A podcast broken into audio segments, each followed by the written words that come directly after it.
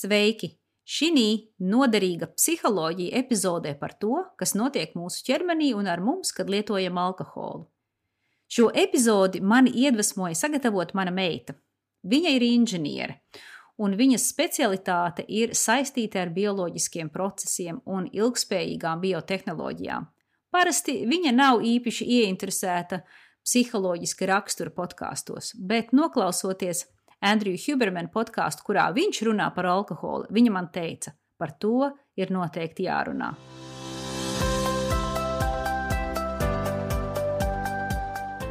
Sveiki podkāstā Noderīga psiholoģija. Mani sauc Evija Volfa. Es esmu psiholoģijas doktore. Mani podkāsti ir domāti tev, ja tevi interesē psiholoģija, gan kā zinātne, gan kā noderīga prakse. Varbūt tev ir kādi konkrēti tev svarīgi mērķi, ko tu gribi sasniegt.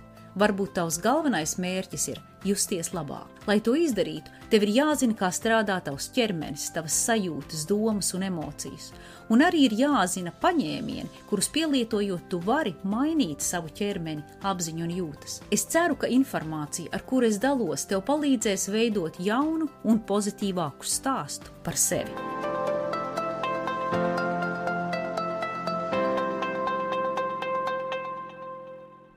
Alkohols ir viela, ko lieto gandrīz visi un visur, tad, kad izauguši no bērna vecuma. Starp citu, arī dzīvnieki lieto alkoholu. Lietošana parasti ir saistīta ar to patīkamo sajūtu, vai arī ar mērķi izmantot alkoholu kā zāles. Protams, ir arī citi mērķi, un par tiem mēs runāsim. Runāsim arī par alkohola ietekmi uz šūnām, uz orgāniem, uz orgānu sistēmām ķermenī un smadzenēs. Runāsim par alkohola ietekmi uz mūsu domāšanu un uz uzvedību.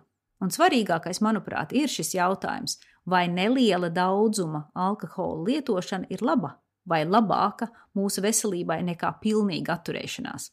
Runāsim arī par paģirām un ko var darīt, lai paģiras nebūtu tik lielas vai tik sāpīgas, un par to, kāda ir īpaša alkohola ietekme, kad alkoholu sāk lietot agrā jaunībā. Kāpēc tas viss ir svarīgs man kā psihologam? Tāpēc, ka cilvēks ir būtne, kura ķermenis un gars ir vienotā veselumā, un labumi, kurus var nest psihologa vai terapeita konsultācijas, būs ierobežoti, ja ķermenis būs ķīmisks karalauks. Un uzreiz gribu arī teikt, ka es dalos informācijā, un es absolūti nevienu nenosodu vai nekritizēju. Es vienmēr pieturos pie uzskata, ka zināšanas ir vajadzīgas, lai katrs mēs varam izlemt, kas mums ir vajadzīgs vai nav vajadzīgs, kas mums ir derīgs vai nav derīgs, lai mēs varētu veidot savu stāstu par sevi, vai arī nomainīt to stāstu, kas mums pašreiz neapmierina. Lielais jautājums - vai tā ir problēma manam ķermenim, manām smadzenēm, manai psiholoģiskai labsajūtai, ja es dzeru vienu līdz divus drinkus dienā? Vienu, divas glāzes dienā.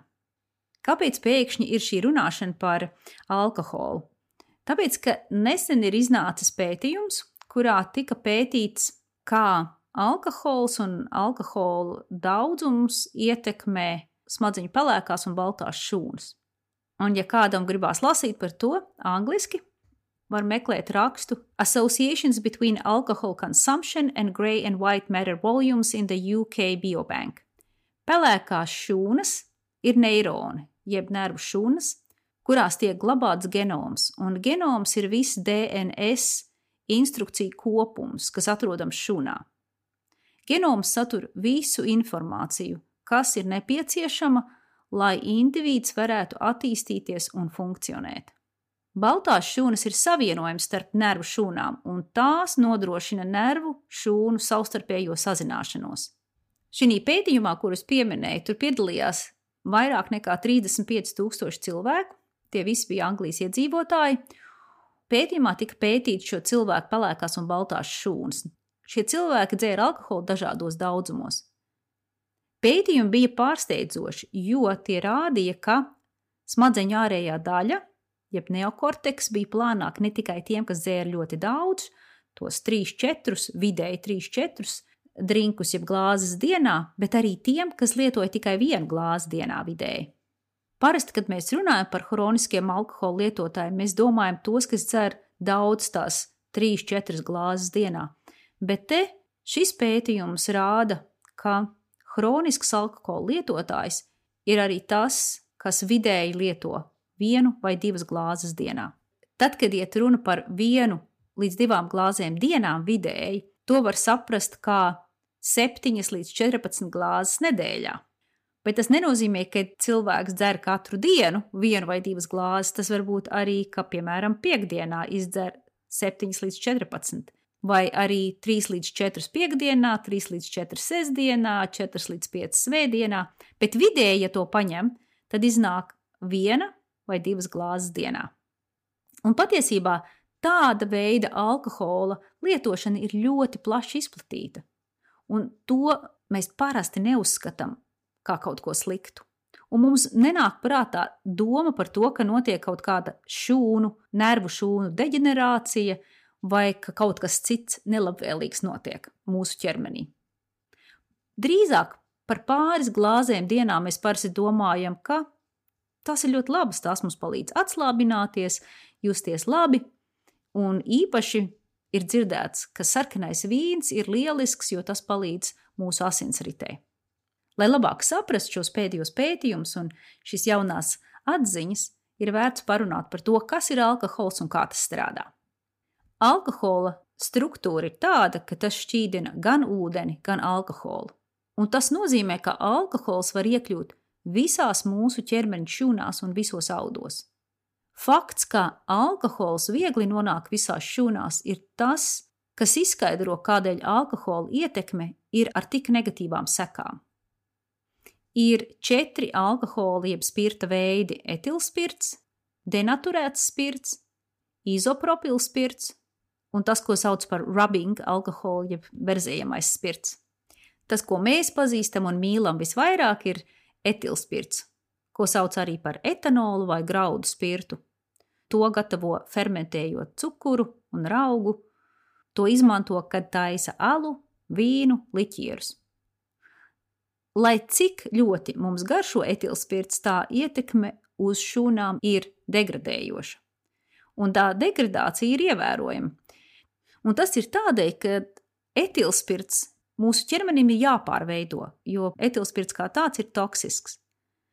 Mūsu ķermenī ir molekula, ko sauc par NAD. NAD. NAD ne tikai palīdz pārvērst pārtiku enerģijā, bet tam ir arī izšķiroša nozīme DNS integritātes saglabāšanā, lai nodrošinātu pareizu šūnu funkciju, lai pasargātu mūsu ķermeni no novecošanas un no slimībām. Pēdējā laikā par NAD nada daudz runā, kad runa iet par ilgdzīvošanu un par to, ka uz vecumu mums samazinās NAD un ka var lietot bagātinātājus un palielināt nada daudzumu mūsu ķermeņos un tādēļ pagarināt veselīgas dzīves ilgumu. NAD piedalās procesā, kurā spirts tiek pārvērsts par acetaldehīdu. Un acetaldehīds ir super slikts mūsu ķermenim. Acetaldehīds ir inde, un tas bojā un patiesībā nogalina šūnas, un tas attiecās uz visām šūnām. Bet ko tad dara mūsu ķermenis, lai cīnītos ar šo problēmu? Tas cenšas pārvērst acetaldehīdu par acetātu jo acetātu mūsu ķermenis izmanto kā enerģijas avotu. Acetāts rodas procesā, kas notiek aknās, kad acetaldehīds tiek pārvērsts par acetātu. Aknām tad ir traki un daudz jāstrādā, lai veiktu šo ķīmisko procesu. Tas, ka alkohols iedragā aknu darbību, protams, nav nekas jauns, un parasti visi par to ir dzirdējuši. Vēl cita lieta, par ko ir dzirdēts, ir alkohols un liekais svars. Vispirmām kārtām kad dzeram spirta dzērienus, mēs dzeram indi. Šī inde ķermenī tiek pārvērsta par vēl trakāku indi, un daļa no šīs indes tiek pārvērsta par kalorijām, no kurām mēs varam iegūt enerģiju. Bet alkoholu uzskatu par to saucamo tukšo kaloriju avotu. Tas ir tādēļ, ka alkohola pārstrādes procesi ir metaboliski dārgi, un tajos nenotiek barības vielu iegūšana. No Alkohola var iegūt momentānu enerģiju, bet šo enerģiju nevar uzglabāt nekādā labvēlīgā veidā. No šīs enerģijas neiegūstam vitamīnus, aminoskābes vai taukskābes. Alkohols ir tikai tukšas plikas kalorijas. Acetildehīds, kas nonāk mūsu ķermenī, ir tas, kas padara mūs piedzērušos vai iedzērušus. Esam sevi saindējuši no nervu šūnu darbības viedokļa. Mūsu ķermenis, mūsu smadzenes maina savu darbību indas ietekmē. Tie cilvēki, kas ir regulāri lietotāji un tie, kam ir ģenētiska predispozīcija uz alkoholismu, kad šie cilvēki iedzer vai dzer, sākotnēji tie jūtas lieliski. Viņiem ir daudz enerģijas, viņi jūtās labāk ilgāk nekā tie, kas nelieto alkoholu tik bieži un tik daudz. Tie, kas dzer reti, pēc iedzeršanas jutīsies labi tikai nelielu brīdi, un jau ļoti drīz jutīsies noguruši. Nespējas adekvāti kontrolēt savu ķermeni, varbūt pat nespējas normāli runāt. Tad, kad jūs būsiet nākamajā ballītē, pavērojiet.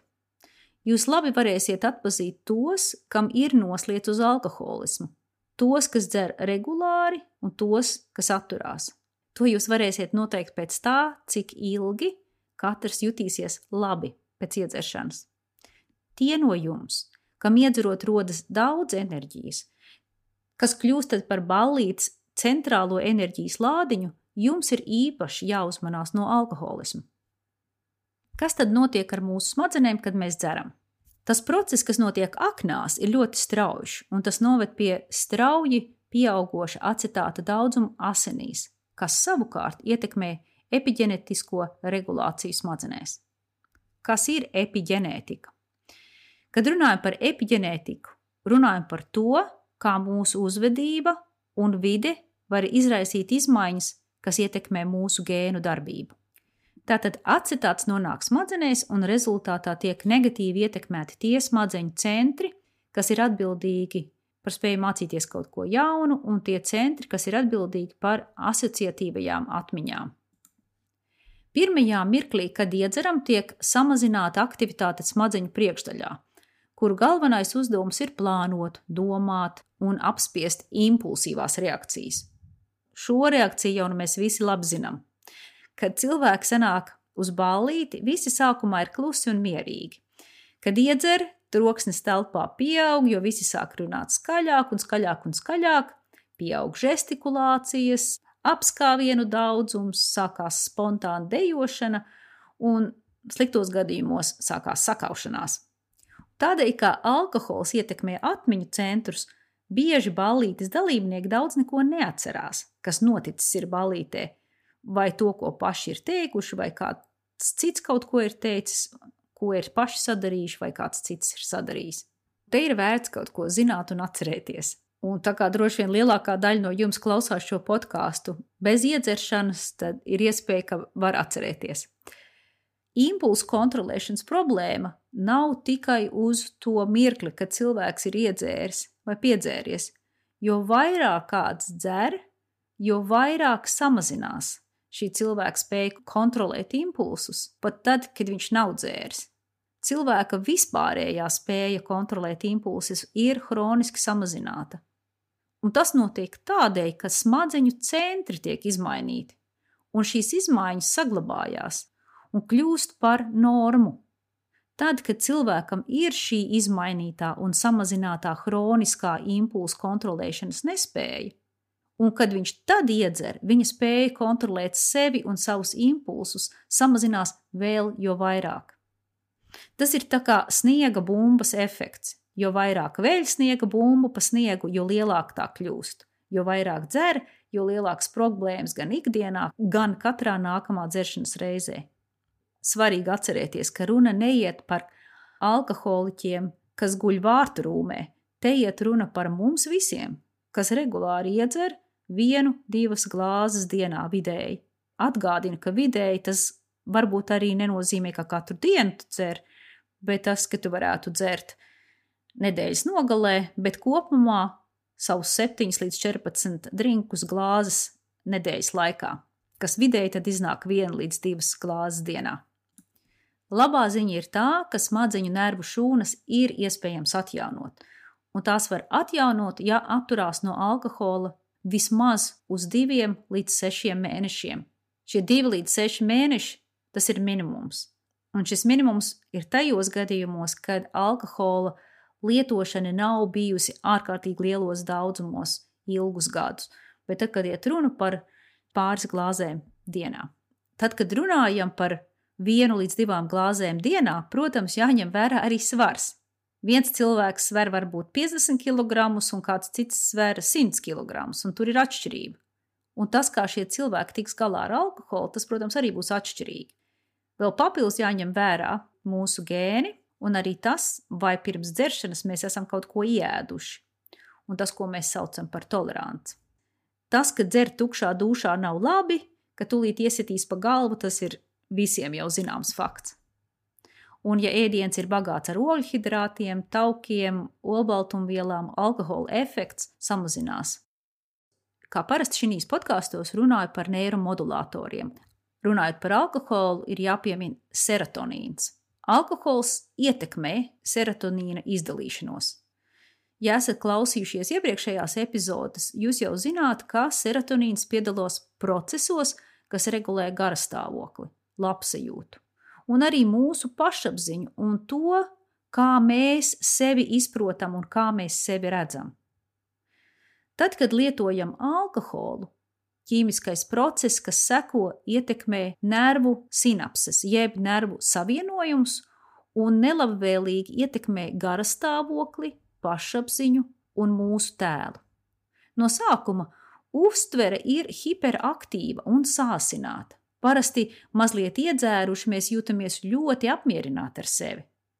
Bet pēc pāris glāzēm serotonīna daudzums strauji samazinās, un tad sākās sliktās sajūtas. Ko tad mēs darām?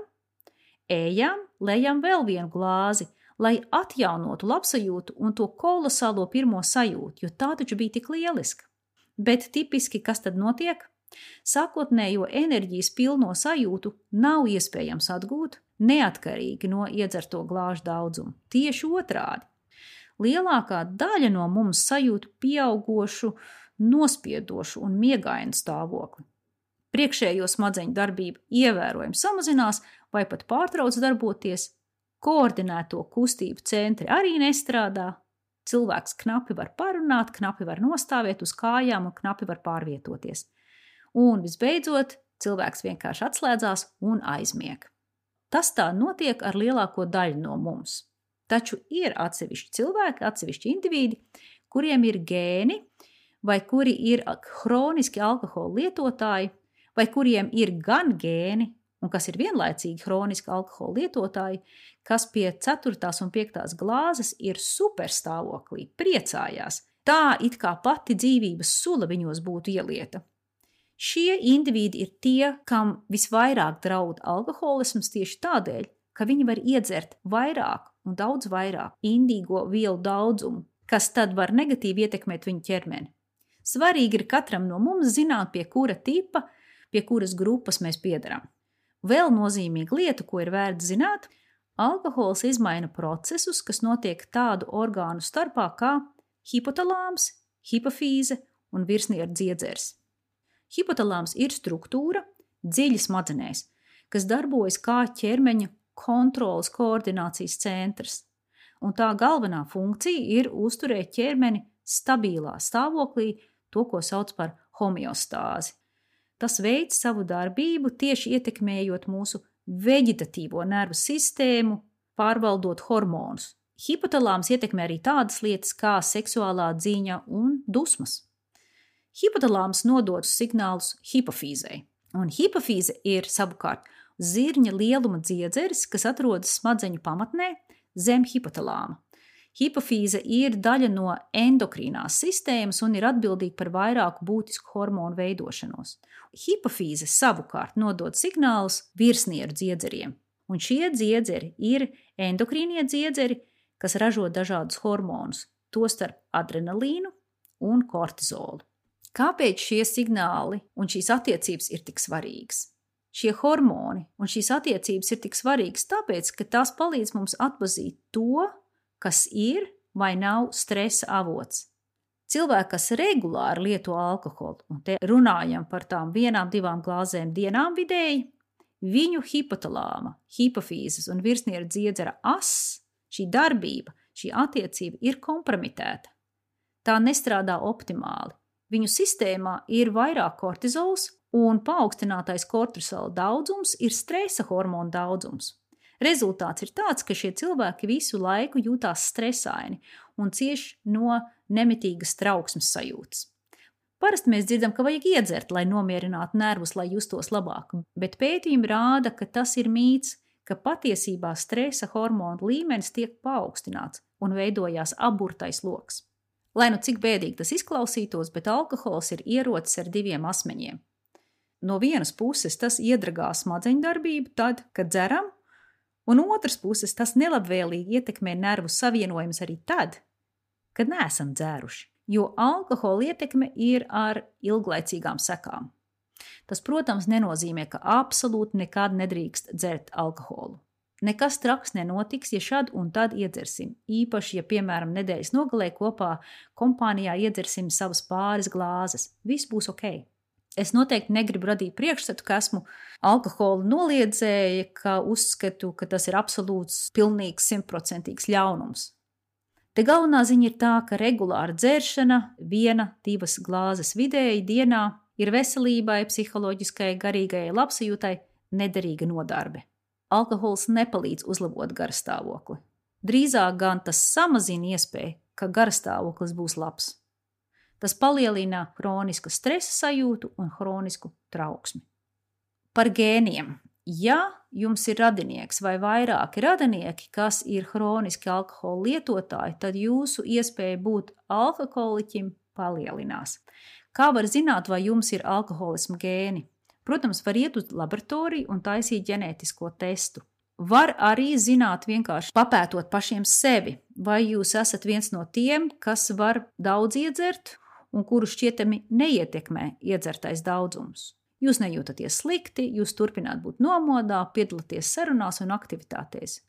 Ja jūs to varat, tad jums ir gēni, kas palielina jūsu risku. Vēl cita lieta, kas palielina alkoholisma risku, ir vecums, kad cilvēks sācis dzert. Jo agrāk sācis dzert, jo lielāks risks. Un tas ir neatkarīgi no tā, vai ir vai nav alkoholisma gēni. Ja kāds sāk dzert 13, 14, 15 gadu vecumā, risks ir ievērojami lielāks. Ja nogaida līdz 18, 19, 20 gadiem, tad iespēja, ka cilvēks kļūst par alkoholiķi, ir minimāla, izņemot, ja ir ģenētiska dispozīcija. Pēdējā laikā arī daudz tiek runāts par to saucamo mikrobiomu, un runājot par zarnu mikrobiomu, tad runājam par mūsu ķermenisko saskaņu, kas pastāv starp mūsu zarnām un mūsu smadzenēm, jeb starp zarnām, aknām un smadzenēm. Tie no mums, kas lieto alkoholu, mēs, protams, ietekmējam zārnu mikrobiomu, jeb mikrobaktērijas, kas dzīvo zarnās. Lietojot alkoholu, mēs nomainām baktēriju normālo darbību.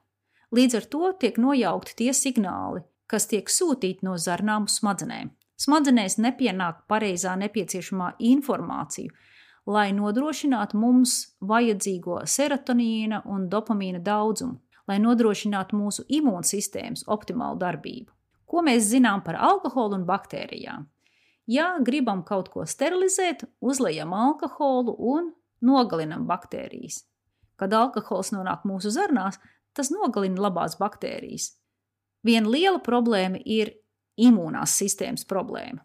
Tad, kad lietojam alkoholu, iekaisums šūnas izdalās lielā daudzumā. Zarnu sieniņas kļūst caurlaidīgas un veidojas tā saucamais līkī gat, jeb noplūdušās zarnas. Kad zarnu sieniņas ir caurlaidīgas, asinsritē nonāk toksīni. Šie toksīni izraisa iekaisuma reakcijas, kas var izpausties kā dažādas slimības. Tā bilde nav no tām smukākajām. Pa pusē sagramotā ēdiena baktērijas nonāk ķermenī, pa caurumiem zarnu sienās, labās baktērijas tiek nogalinātas, aknās izdalās iekaisuma olbaltumvielas, hitokīni, un tie var nonākt smadzenēs ar tā saucamajiem neiroimūnajiem signāliem.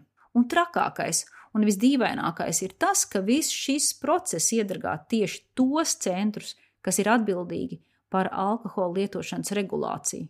Tas patiesībā ir kreizī. Tu iedzer kaut ko, tev rodas iekaisums ķermenī un smadzenēs, un tev gribās vēl vairāk dzert, un tavu iekaisumi tikai pieaug un pieaug. Šī problēma ir jo īpaši liela tiem, kas regulāri iedzer savas 12, 24 glāzes nedēļā. Bet kā var uzlabot zarnu mikrobiomu un samazināt iekaisumu olbaltumvielas jeb kitokīnus? Ir zinātnieki, kas iesaka fermentētu sēdienus un dzērienus, tādus kā skābus kāpostus, kefīru, jogurtu ar aktīvām baktērijām un nelielu cukuru daudzumu. Divas, četras porcijas dienā atstās savu pozitīvo ietekmi. Kambuča, manuprāt, ir lieliska lieta. Latvijā kambučas ražotāji, ko es zinu, ir dzīvības dzēriens un kambuča factory. Dzīvības dzērienu kambučā ir nedaudz vairāk cukura un gāzes nekā kambuča faktorī kambučā. Un jūsu izvēle droši vien noteiks jūsu garšas kārpiņas. Pēdējā laikā es esmu sākusi praktizēt alkohola aizstāšanu ar kambuču. Piemēram, pie pusdienām vai vakariņā gribētos vīna glāzi, bet tās vietā es dzeru kambučas glāzi. Man tas ir garšīgi un labi. Par paģirām. Man kā psihologam interesē tas aspekts, kas saistīts ar paģirām un ar trauksmes sajūtu. Pamostoties ar paģirām nākamā dienā un pat vairākas dienas pēc dzeršanas, jūs pamodīsieties ar tādu kā neizskaidrojumu trauksmes sajūtu. Kāpēc ir trauksmes sajūtas iedzerot pa tikai vienu glāzi?